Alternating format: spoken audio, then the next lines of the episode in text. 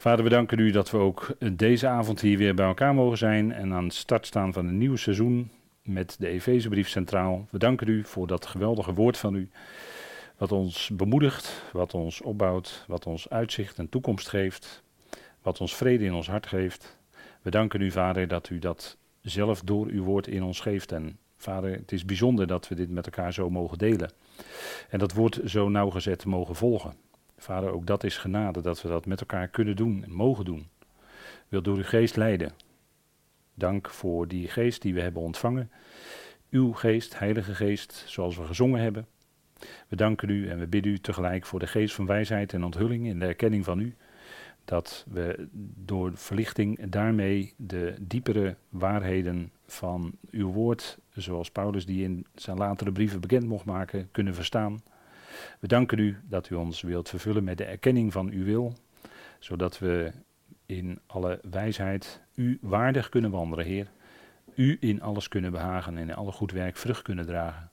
En zo mogen groeien in de erkenning van uzelf.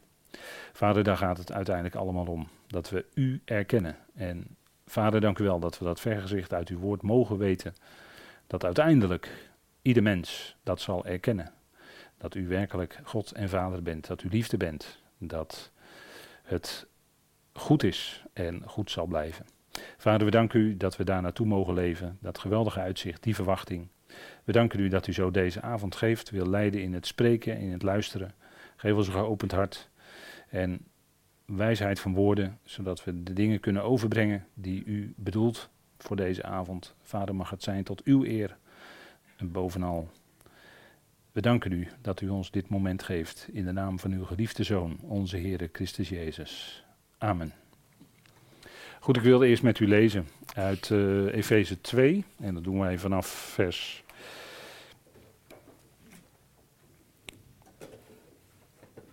14, vanaf vers 14, 13, is misschien nog beter. Vanaf vers 13 en dan lees ik met u vanuit de concordante tekst tot en met vers 18. En er staat, thans echter in Christus Jezus zijn jullie, die eens veraf waren, nabijgekomen door het bloed van Christus. Want Hij is onze vrede, die beiden één maakt en de middenmuur van de stenen omheining, de vijandschap in zijn vlees, wegbreekt. En de wet van geboden in inzettingen buiten werking stelt. Opdat Hij de twee in zichzelf tot één nieuwe mensheid zal scheppen, vredemakend en beiden in één lichaam met God door het kruis wederzijds zal verzoenen. De vijandschap erin dodend. En in zijn komen verkondigt hij als evangelie vrede aan jullie die veraf en vrede aan hen die nabij waren, want door hem hebben wij beiden in één geest toegang tot de Vader. Tot zover deze geweldige woorden uit Efeze 2. En wij zijn de vorige keer met elkaar bezig geweest met vers 15 en 16. En nu willen we continueren in vers 17. En daar staat vers 16 nog heel even. In Christus Jezus, daar gaat het over. Dit stukje, wat we gelezen hebben, daar begonnen we mee in vers 13. Thans echter in Christus Jezus. Jullie zijn, wij zijn in Christus Jezus. Dat is natuurlijk een geweldig iets, dat is ons geestelijk bezit. We zijn daar heel rijk mee. En daarvan wordt gezegd, degene die in Christus Jezus zijn, dat de beiden in één lichaam met, en er staat er letterlijk de God, door het kruis wederzijds verzoend. De vijandschap erin dodend.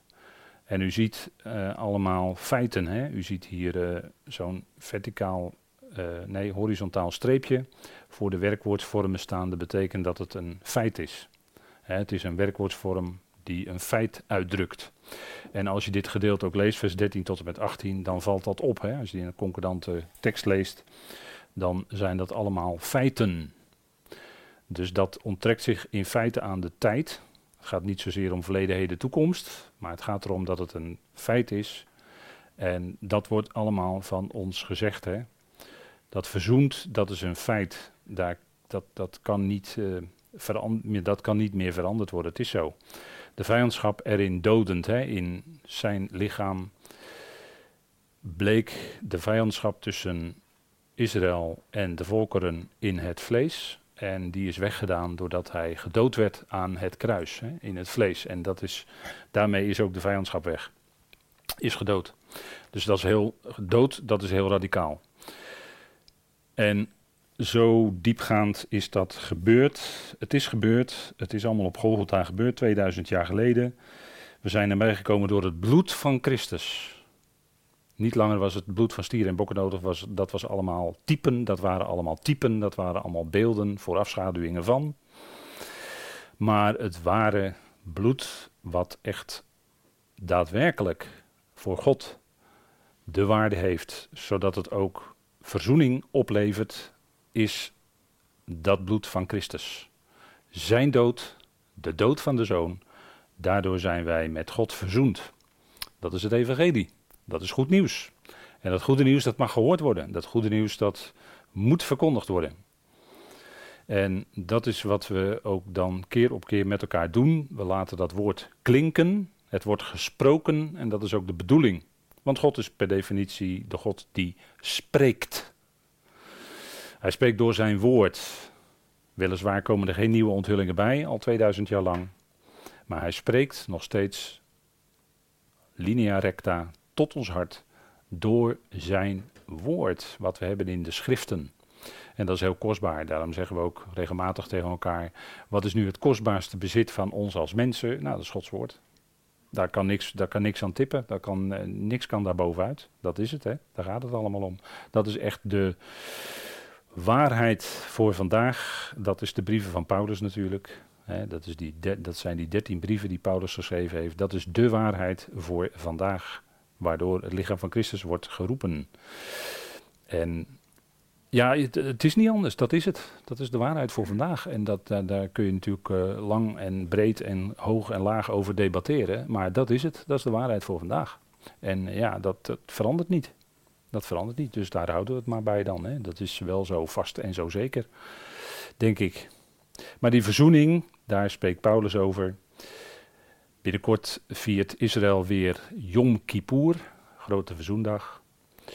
En op de tiende van de eerste maand, nou we zitten weer in de eerste maand, ze, ze zeggen nu uh, uh, Shana Tov tegen elkaar, hè, gelukkig nieuwjaar. En dan is het ook binnenkort weer grote verzoendag, de tiende van de eerste maand. Maar dat is eigenlijk geen verzoening wat plaatsvond, maar dat was bescherming, kan ik beter zeggen. Bescherming, moet ik even nauwkeurig zeggen. Bescherming.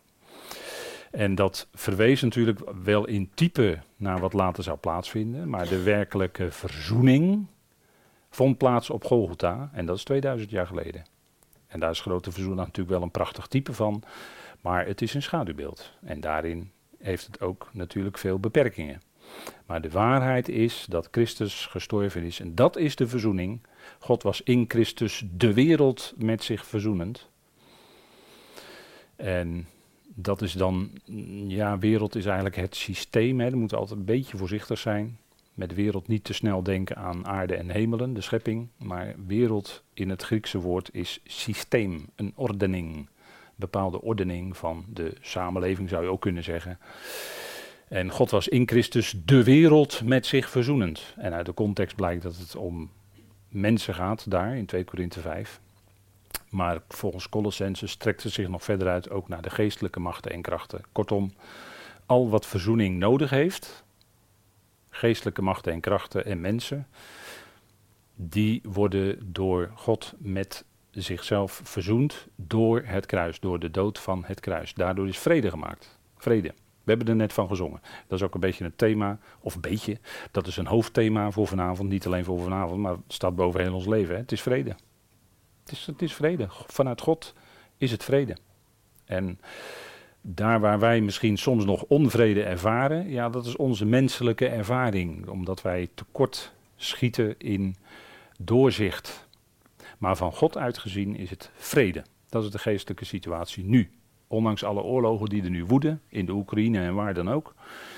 Maar het is vrede vanuit God, geestelijk gezien, nog steeds.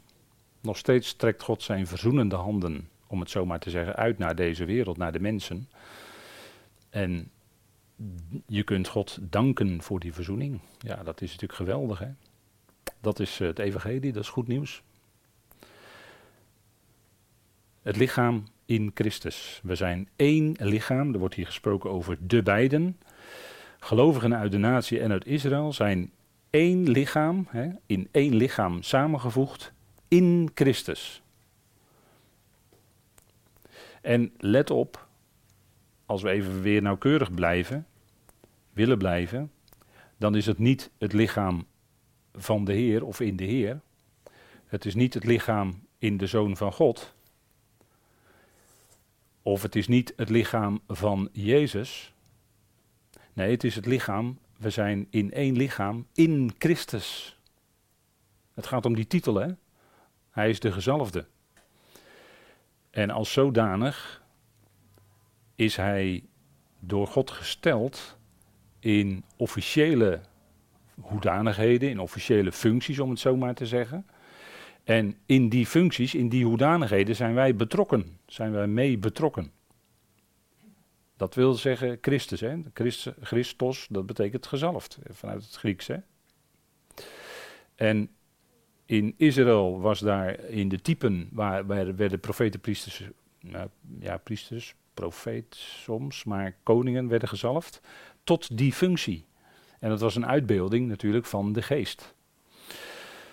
Die dan bij gelegenheid op de betreffende koning, priester of profeet kwam, om die dienst te kunnen vervullen. Die dienst voor Yahweh. Daar was het voor bedoeld. En bij Christus, uh, Christus is natuurlijk de vervulling, Christus is de koning, is de ware profeet, is de priester, hè, de, zelfs de hoge priester naar de ordening van Melchizedek, dat zal hij zijn in de komende duizend jaar, zoals Hebreeën dat zegt. Hè, hij zal priester zijn voor de eon, hij staat in Hebreeën, hij zal priester zijn voor de eon en koning naar de ordening van Melchizedek, die priesterkoning, hè, die ineens in Genesis 14 op het toneel komt als Abraham de overwinning heeft behaald over, wat waren het? Vijf koningen geloof ik daar. Hè? En als, dan komt die hoge priester, die koning-priester, die komt dan met brood en wijn. Die komt er met brood en wijn. Nou, dat zijn natuurlijk geweldige beelden ook. Hè? Maar dat krijgt Abraham dus aangereikt uh, van een hogere. En daar daarmee betekent het ook, zegt de Hebreeën schrijver dan, dat het hoge priesterschap naar de ordening van Melchizedek van een veel hogere orde is dan de ordening van Aaron. Want Aaron was uit de stam van Levi. En de stam van Levi, of Levi, zat, om het zo maar te zeggen, nog in de lenden van Abraham. En als zodanig gaf Abraham al aan Melchizedek de tienden. Dat betekent dat het priester, koning-priesterschap van Melchizedek van een hogere orde is dan de ordening, de priesterlijke ordening van Aaron. zo, zo spreekt de schrift daarover. Hè? Dus dat is wel heel belangrijk. Dat zal hij zijn in de duizend jaar. De Heer zal dat zijn voor Israël en de volkeren in de duizend jaar.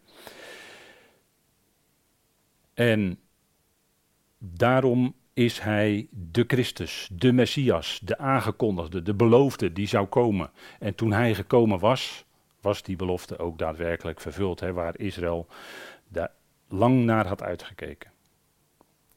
Eén lichaam in Christus, dat zijn wij. En nu wordt er in Efeze dan, daar komen we natuurlijk nog op, in Efeze 3, wordt daarvan gezegd dat is een gezamenlijk lichaam. Dat is een hele unieke uitdrukking die alleen daar voorkomt, in Efeze 3 vers 6. Maar waarom dat zo is, daar komen we nog wel op. Maar dat neemt niet weg dat dat lichaam van Christus werd al in, in feite in de eerste Korinthebrief door Paulus aangewezen, aangeduid, als de Christus in 1 Korinthe 12. En later wordt er in Romeinen 12 gezegd, één lichaam in Christus. En dan noemt Paulus dat in de Efezebrief voor één keer het gezamenlijk lichaam. Maar ga daar niet allemaal theorieën aan ophangen, alsof dat verschillende lichamen zouden zijn. Nee, dat is allemaal hetzelfde lichaam van Christus. En dan moeten we goed, dat is een doorgaande lijn bij Paulus. Steeds als hij spreekt over het lichaam van Christus, is het één lichaam, hetzelfde lichaam. Daar is geen verschil tussen de voorbereidende brieven en de voorkomenheidsbrieven. Er zijn er die dat wel doen en die kunnen dan ook uh, betiteld worden als ultradispensationalisten. Hè? Maar dat zijn wij niet.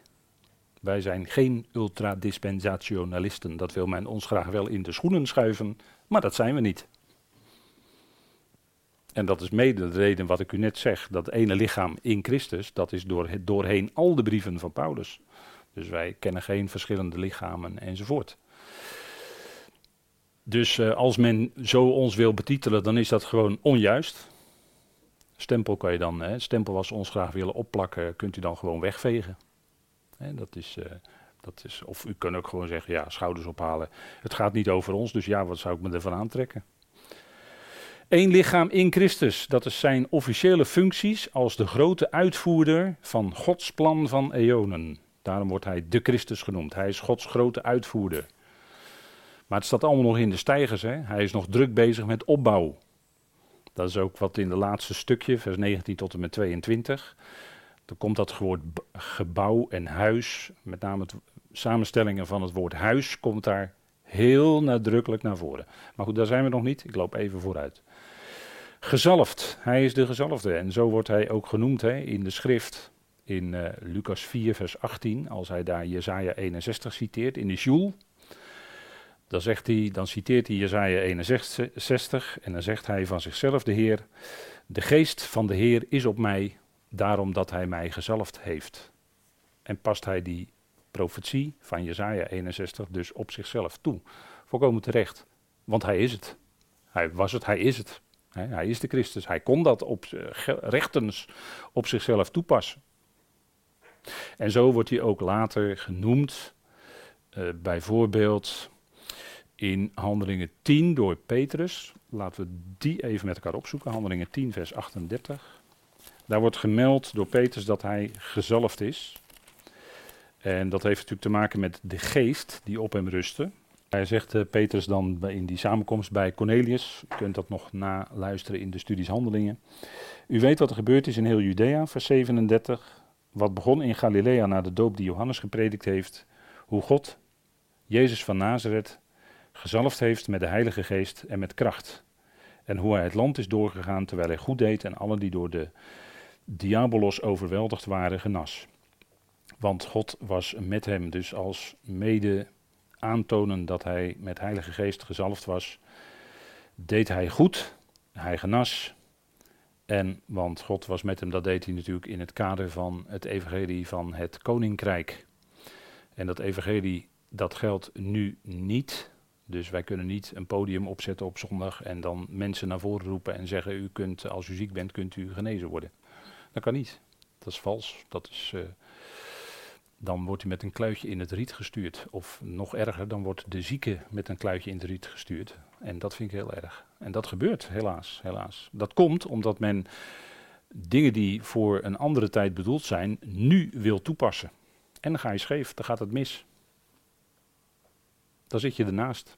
Kan ik ook zeggen. dat is mis. Dan zit je ernaast. Dat, dat is onterecht. Toen deed hij dat. En hij sprak nog zoals nooit iemand gesproken had. Waren geweldige woorden die hij sprak. Maar nu, nu spreekt hij nog steeds via apostel Paulus. En dat woord, wat hij nog steeds spreekt als verheerlijkte Heer via Paulus, geldt vandaag.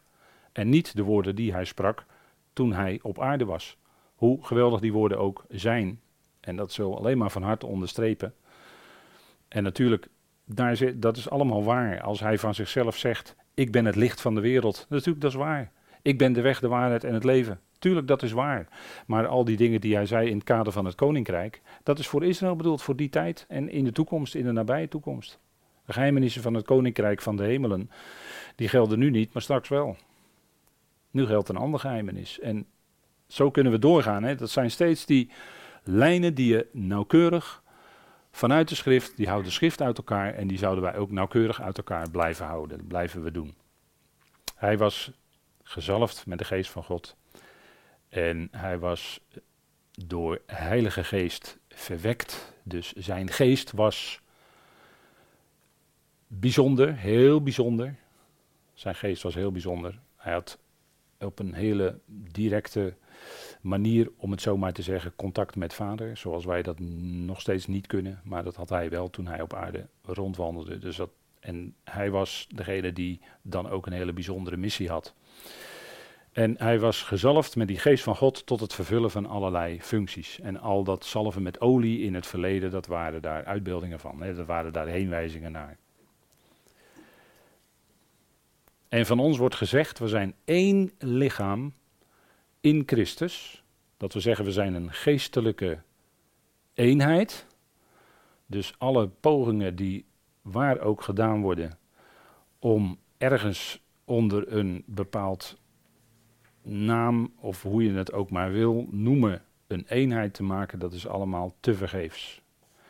En dat is in feite een afwijken van de werkelijke eenheid en dat is de eenheid van de geest. We zijn één met alle gelovigen, waar ook ter wereld, die in Christus zijn, die zijn geest hebben ontvangen. Daar zijn wij één mee, dat is de geestelijke eenheid.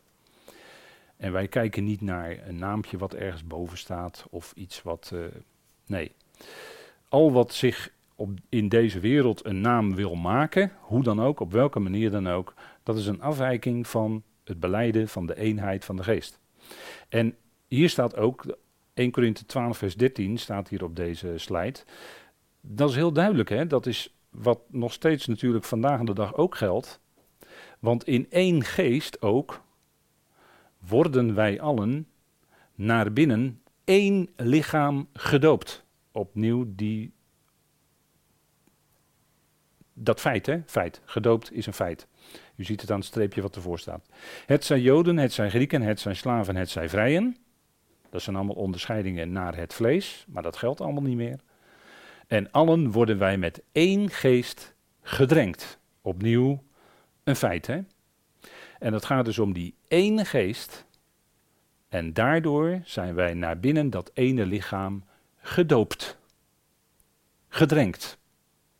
En dus één één lichaam in Christus. En dat zouden we ook, Paulus die noemt dat ook nadrukkelijk in de Efezebrief, als we het hebben over de wandel, Efeze 4, dan zegt hij ook, er is één lichaam.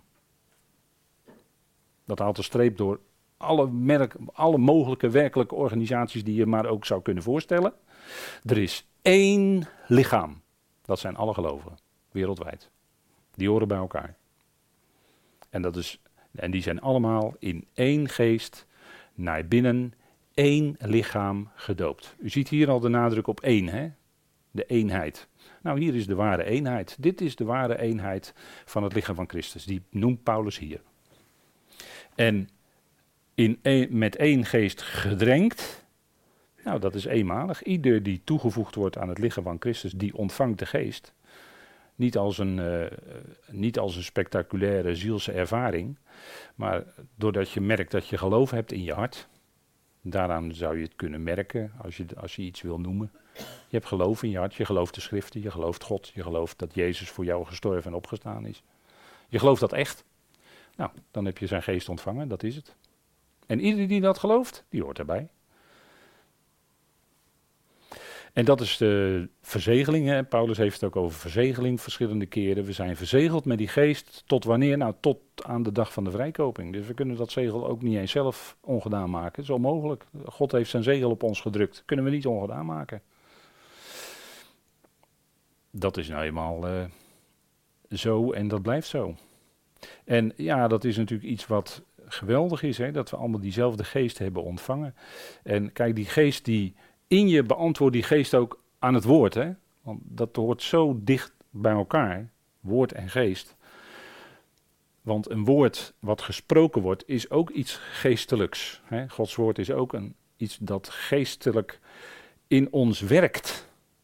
En uh, dat is niet iets wat je bij elkaar aan de buitenkant kan zien, maar het gebeurt wel van binnen. En het geeft je wel vrede, het geeft je wel rust wat God zegt. En je zegt eigenlijk altijd van ja, dat, dat geloof ik. Die woorden van God, dat komt naar me toe, dat geloof ik. Op voorhand. Ja, natuurlijk.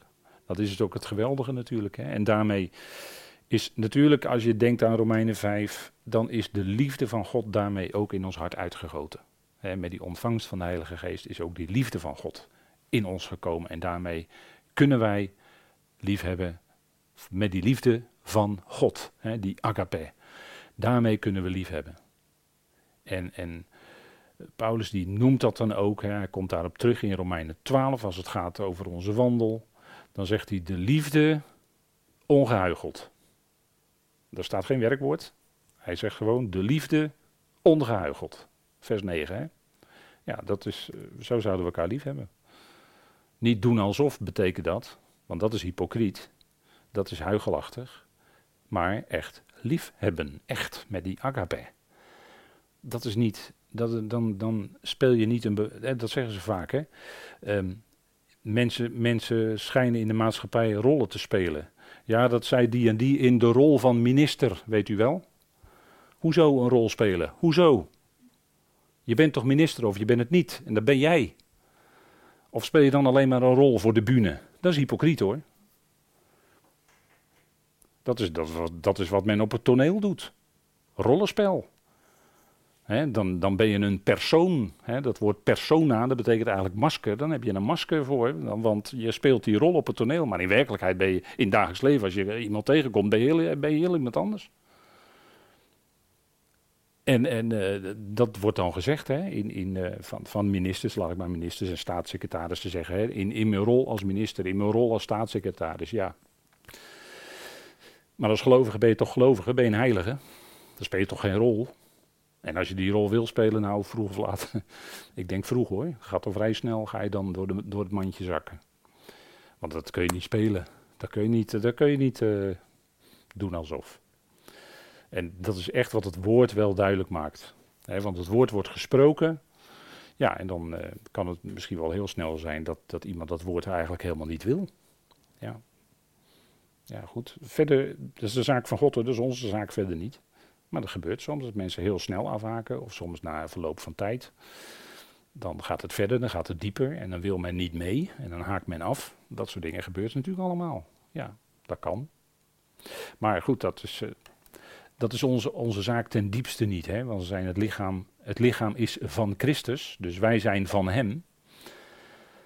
En Hij bepaalt, Hij is Heer, Hij bepaalt, hè? Hij leidt dat lichaam en Hij organiseert, dat is ook wel leuk om te zeggen, Hij organiseert dat lichaam ook. Hè? Dat betekent Hij voorziet het van organen. Lees Efeze 4 maar, dat Hij toedeelt, Hij geeft gaven aan de gemeente. Dat wil zeggen, de, de Heer organiseert de gemeente. Hij bepaalt het.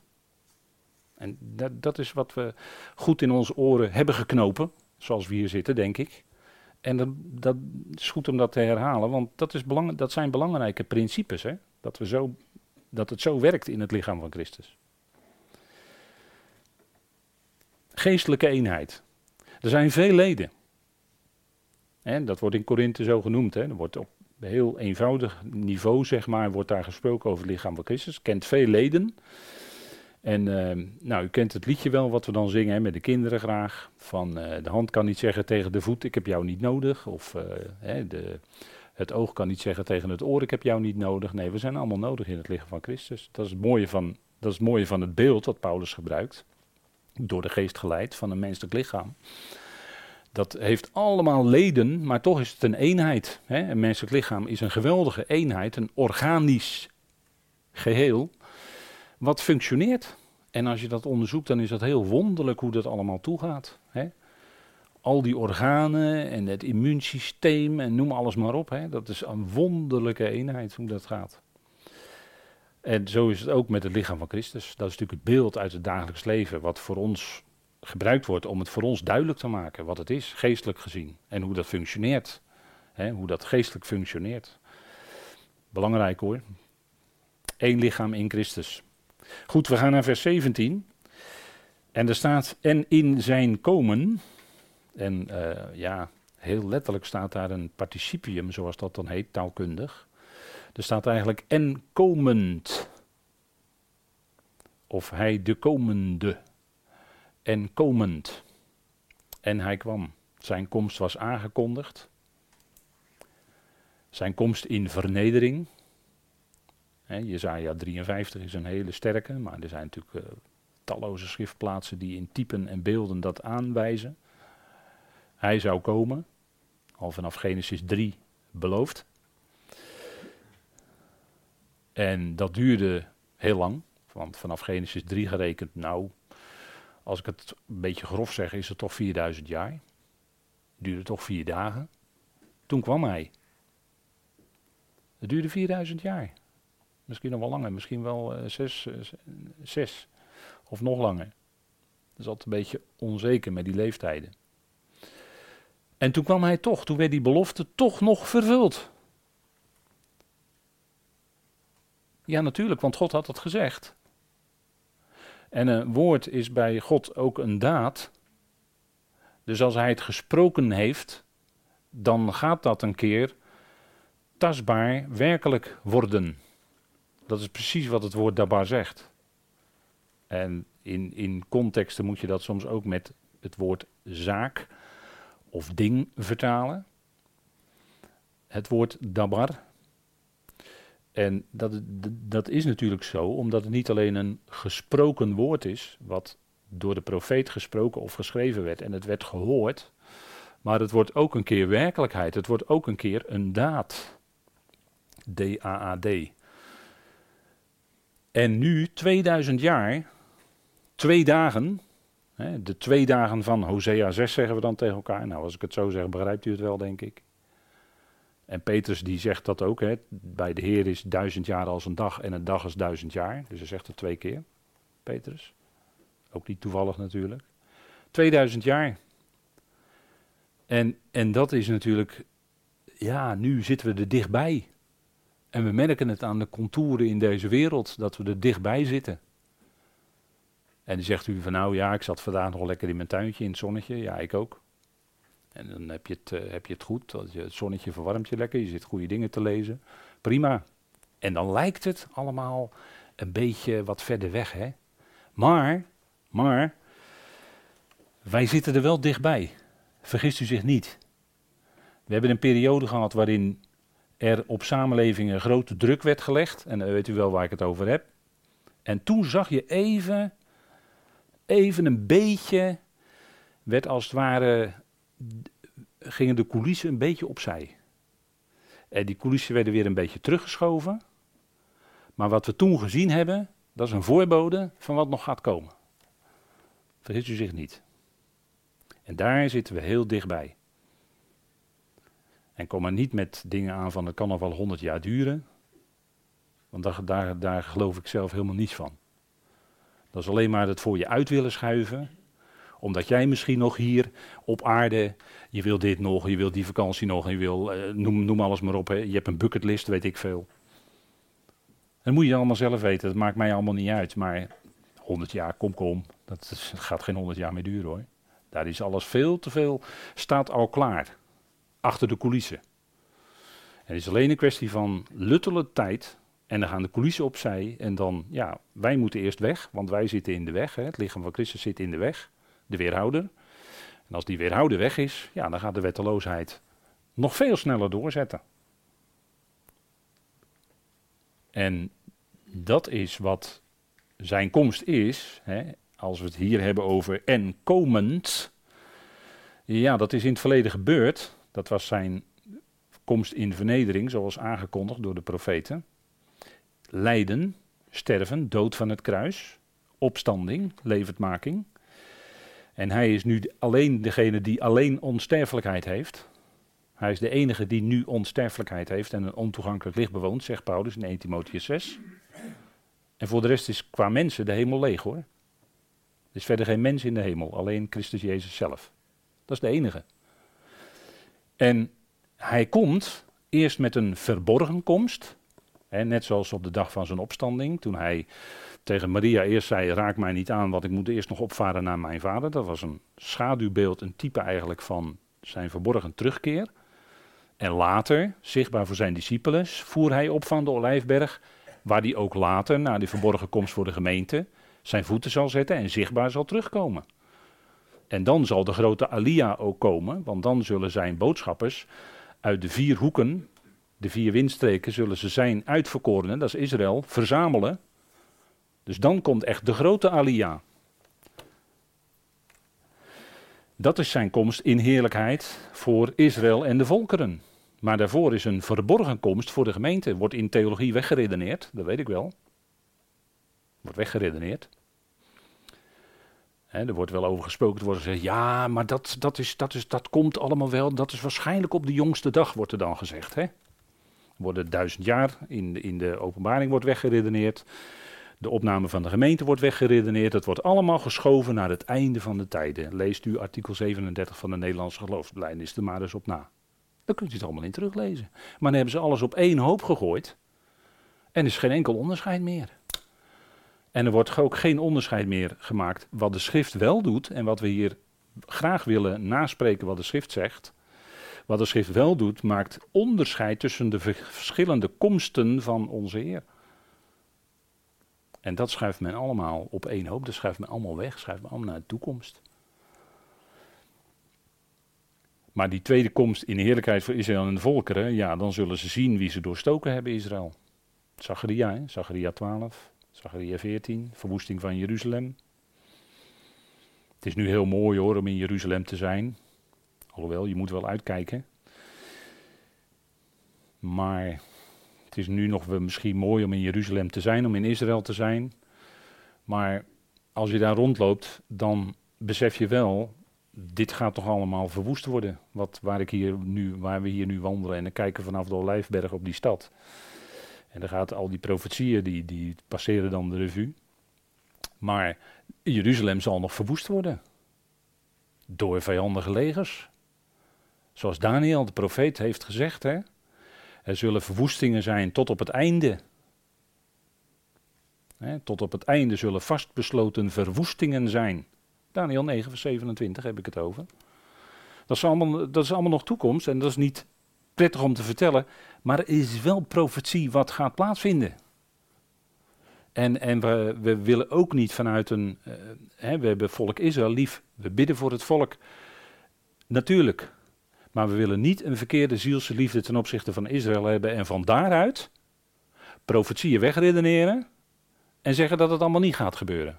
Dat, dat kan niet, hè? Dat kan niet. We moeten wel de schrift blijven volgen. Dat is heel ernstig. En dat moet nog, moet nog een keer gebeuren, de verwoesting in Jeruzalem. En ter gelegenheid van die verwoesting zal de Heer zijn voeten zetten op de olijfberg. Dat is wat Zacharia zegt. En er komt nog een grote aardbeving, waardoor de olijfberg midden door zal splijten. Het zal een dal der ontkoming zijn. Wat denk je wat die aardbeving op die breuklijn die daar ligt, die aardbeving, wat, wat die gaat aanrichten aan Jeruzalem? Een aardbeving, wat denkt u wat dat aanricht? Verwoesting natuurlijk. Dus dat maar dat gaat allemaal gebeuren. Dat is allemaal een toekomst. En daarna, hè, we zeggen toekomst muziek. Ja, die muziek komt pas als de Messias komt. Dan zal werkelijk de chauffeur van vreugde klinken. Want dan is hij er ook. Dan is hij er ook. En dan zal hij zijn volk ook verlossen. Daar zal het mee beginnen. Dat is natuurlijk geweldig. Komen. Wij kijken uit naar de wederkomst van Christus. En dat is voor ons dan als hij de bazuin steekt en ons wegrukt. Vlak voordat de tijd van Daniel, de grote verdrukking en dergelijke, gaat komen. En komen staat er hè, in vers 17. En in zijn komen verkondigt hij, staat ook weer als een feit daar, hè, verkondigt hij als evangelie. Dat is één woord, hè, het bekende woord evangeliseren, zou je dat, uh, als je dat uh, wil latiniseren. Evangeliseren, euangelizo, hè, een wel boodschap brengen, goed nieuws, een blijde tijding, het is maar hoe je het zeggen wilt. Maar dat is één woord, hè.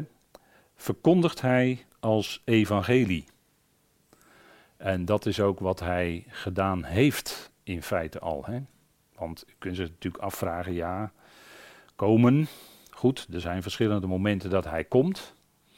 Maar dit dan verkondigt hij als evangelie. Wanneer is dat dan? Kun je natuurlijk als uh, goed bijbellezer je afvragen. Nou, daar geeft de schrift wel antwoord op. Gaan we zien. Die verkondiger van, eh, laten we maar zeggen, een blijde tijding, die werd in Jezaja in feite al aangekondigd. Hè? Want dat is een beetje wat hier ook onder de tekst zit. Waar Paulus mogelijk aan gedacht heeft, aan die woorden uit Jezaja. Hoe lieflijk zijn op de bergen de voeten van hem die boodschapt. In de vertaling staat er dan het goede, maar dat heb ik even tussen haakjes gezet, want in het Hebreeuws staat het daar nog niet. Van hem die boodschapt, staat er eigenlijk. Die vrede laat horen. Dus in Jezaja werd die boodschapper van vrede werd al aangekondigd. En dat is toch wel bijzonder, denk ik.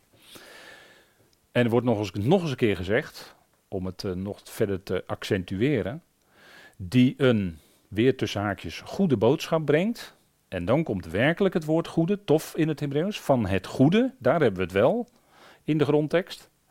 Die redding laat horen en die tegen Sion zegt, uw God is koning. Nou, die vreugdebode die komt natuurlijk nog. Dat, dat zal nog aangekondigd verder worden, ook in de toekomst. Want dit gaat natuurlijk over Israël. Want hier wordt gezegd, die tegen Sion zegt, uw God is koning. Dat zal dan de Messias zijn, die, die dan gekomen zal zijn als de koning van de koningen en de heer van de heren. Uw God is koning. En u weet, het woord God is onderschikker in het Hebreeuws. En als zodanig kan de Heer Jezus Christus ook God genoemd worden. Maar in Jezaja 52 werd hij aangekondigd door, ja, kijk, iemand die een boodschap brengt en het blijkt een goede boodschap en zelfs hier vrede te zijn, dat is dat, die heeft natuurlijk lieflijke voeten. Dat had de Heer toen hij te midden van zijn volk kwam. Dat waren lieflijke voeten, want die brachten een wel boodschap. En Paulus, om er iemand te noemen, Petrus en de apostelen, dat waren brengers van een goede boodschap, van een blijde tijding, van een evangelie.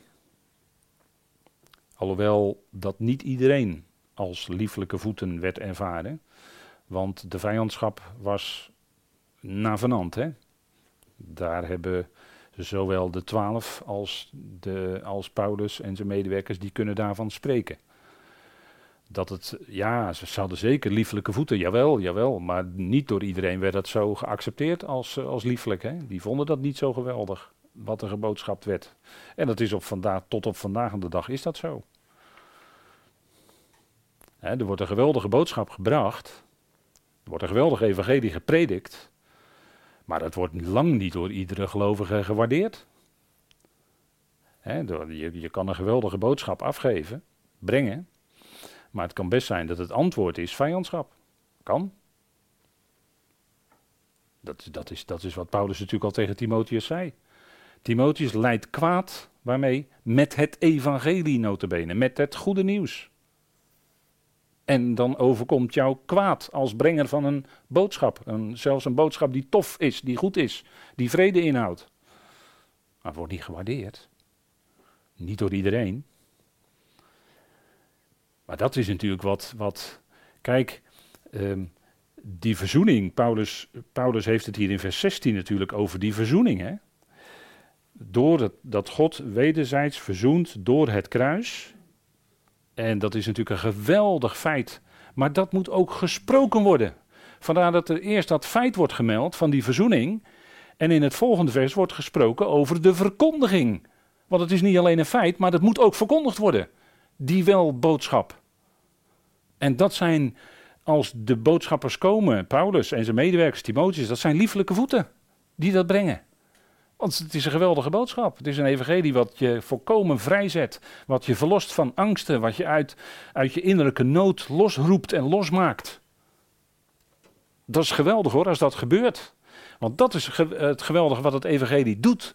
Dat is verlossing, ja. Van binnen verlossing, verlost worden van allerlei banden en gebondenheden. Dat doet het evangelie. En dat is een geweldige kracht. En dat dat kunnen mensen niet bewerken, want het evangelie, het goede nieuws, dat is een kracht van God tot redding voor ieder die gelooft. En dat hebben u en ik ervaren in ons leven. Dat ervaren wij. Dat het een geweldige kracht is, wat je daadwerkelijk losmaakt. Van al die zaken waar een mens in kan wegzinken, het verderf en noem alles maar op. Daar zijn we de vorige keer mee geëindigd, hè? het gedrag van de oude mensheid tegenover het gedrag van de nieuwe mensheid. Dat is een enorm verschil. En daartussen zit, of daarin werkt dan in die mens werkt dan dat kracht van de evangelie, wat je tot een nieuwe mens maakt. En er komt dan ook een ander gedrag naar boven uit je hart. Uit, dat keert zich naar boven uit je hart dan. Hè? Een andere wandel. En dat is natuurlijk geweldig. En daar getuigen de schriften van. En daarom moet het evangelie, het moet ook gehoord worden, zegt Paulus in Romeinen 10. Dat moet gehoord worden. Want als die woorden klinken, dan wordt het gehoord en dan wekt het ook geloof in je hart. Dat kun je niet zelf, maar dat werkt de geest in je. En dat is natuurlijk wat we met elkaar doen. En dat is wat Bashar, in, uh, u ziet hier het Hebreeuwse woord staan, Bashar, dat is die verkondiger van boodschap. Dat is een Bashar. Wordt 25 keer gebruikt in het Hebreeuws, in, in Tenach. En dan gaat het steeds om het brengen van een boodschap. En dan moet je uit de context opmaken of het daadwerkelijk een welboodschap is. En het kan soms ook een boodschapper zijn die een wat ander bericht brengt. Dat moet je uit de context opmaken. En, en hier wordt dan dat woord Bashar wordt twee keer genoemd. Hè, maar dat, in dat woord zit eigenlijk dus die hele omschrijving. Hem of degene die boodschapt, hè, wil het zeggen. En, en hier is er dan het goede, hier gaat het dan om shalom, om vrede voor Israël. Uw God is koning, nou dat is shalom voor Israël. Als Jezus komt voor Israël als Messias, dan is het shalom. Dan is hij de vredevorst. Die Sion de werkelijke vrede brengt, de shalom. En die zal die ook verdedigen duizend jaar lang met een ijzeren roede. Dat is natuurlijk een geweldige tijd die gaat komen. Maar dat moet aangekondigd worden. Daarvoor is die Bashar, die verkondiger, nodig. iemand die een boodschap verkondigt. En dat is natuurlijk geweldig en dat, moet, dat mag en dat moet ook gehoord worden. Hè? En dat kan ook via, natuurlijk, het hoeft niet altijd zo gesproken woord wat we hier doen. Maar het kan ook via allerlei brochures, boekjes of via dingen die je via MP3 tegenwoordig, hè, of uh, zelfs YouTube. Hè, we kunnen live zelfs meekijken. Voor zolang als het nog duurt, hè, dat weten, weten we maar niet. Maar dat is wel, dat, zo gaat het uit. Hè? Dat zijn uh, hè, dragers van de goede boodschap. Dat is wat, wat de mens nodig heeft. Ja, dat is natuurlijk geweldig. Hè? En dat is wat de Heer ook deed. Hè? Toen hij te midden van zijn discipelen kwam. Toen hij net uit de doden was opgewekt. Toen kwam hij op die avond. En ik zal het u lezen, Johannes 20. Toen kwam de Heer zelf als die boodschapper. En ik heb het voor u wat letterlijk overgezet, omdat uh, in de vertalingen loop je altijd tegen de uitdrukking de eerste dag van de week aan. Ja, dat is nou eenmaal niet correct. Dat klopt niet. Zijnde dan de avond van die dag de een, uh, als je het heel letterlijk neemt, of die een of die ene van. En heb voor de leesbaarheid de sabbatten, maar dat woord, eh, die, die woorden die u niet goed kunt lezen, die staan dus niet in de grondtekst. Van een van de sabbatten. Dus dat was ook zijn opstandingsdag, hè, dat was de Shabbat. Dat was de gewone weekshabbat waarop hij opstond. En de deuren gesloten. En hij was toch ineens in hun midden, in die opperzaal. Dat is natuurlijk bijzonder, hè? Waar de discipelen verzameld waren vanwege de vrees voor de Joden. En Jezus kwam en stond in het midden en zei tot hen: Vrede voor jullie, of vrede zij jullie. Nou, we hebben het aan het begin van de avond gezongen. Hè? Vrede voor jullie. Shalom. En dat was de diepte van het woord vrede wat hij daar gebruikte. Dat hebben de discipelen toen niet kunnen vermoeden natuurlijk. Maar wel dat hij kwam daar ineens in hun midden. En ze waren natuurlijk ontsteld. Want hij bleek inderdaad de opgewekte te zijn, de opgestane uit de doden. Lijfelijk in hun midden. En hij kon hun de, de wonden laten zien, hè, in, in zijn zij en aan Thomas, u wel, Thomas. Na een week was het gelovige Thomas trouwens. Maar vrede voor jullie. Dat is wat hij kondigde. En daarmee was hij die, die Bashar, die in Jezaja dan genoemd wordt. Daarmee was, die, was hij de, de verkondiger van die boodschap. En hij verkondigde daar vrede. Precies zoals we net gelezen hebben in Jezaja 52. En dat is natuurlijk, ja, heerlijk hè. Vrede voor jullie. Geweldig om dat te horen. Vrede. Dat het van God uit vrede is. Goed, we gaan even met elkaar pauzeren.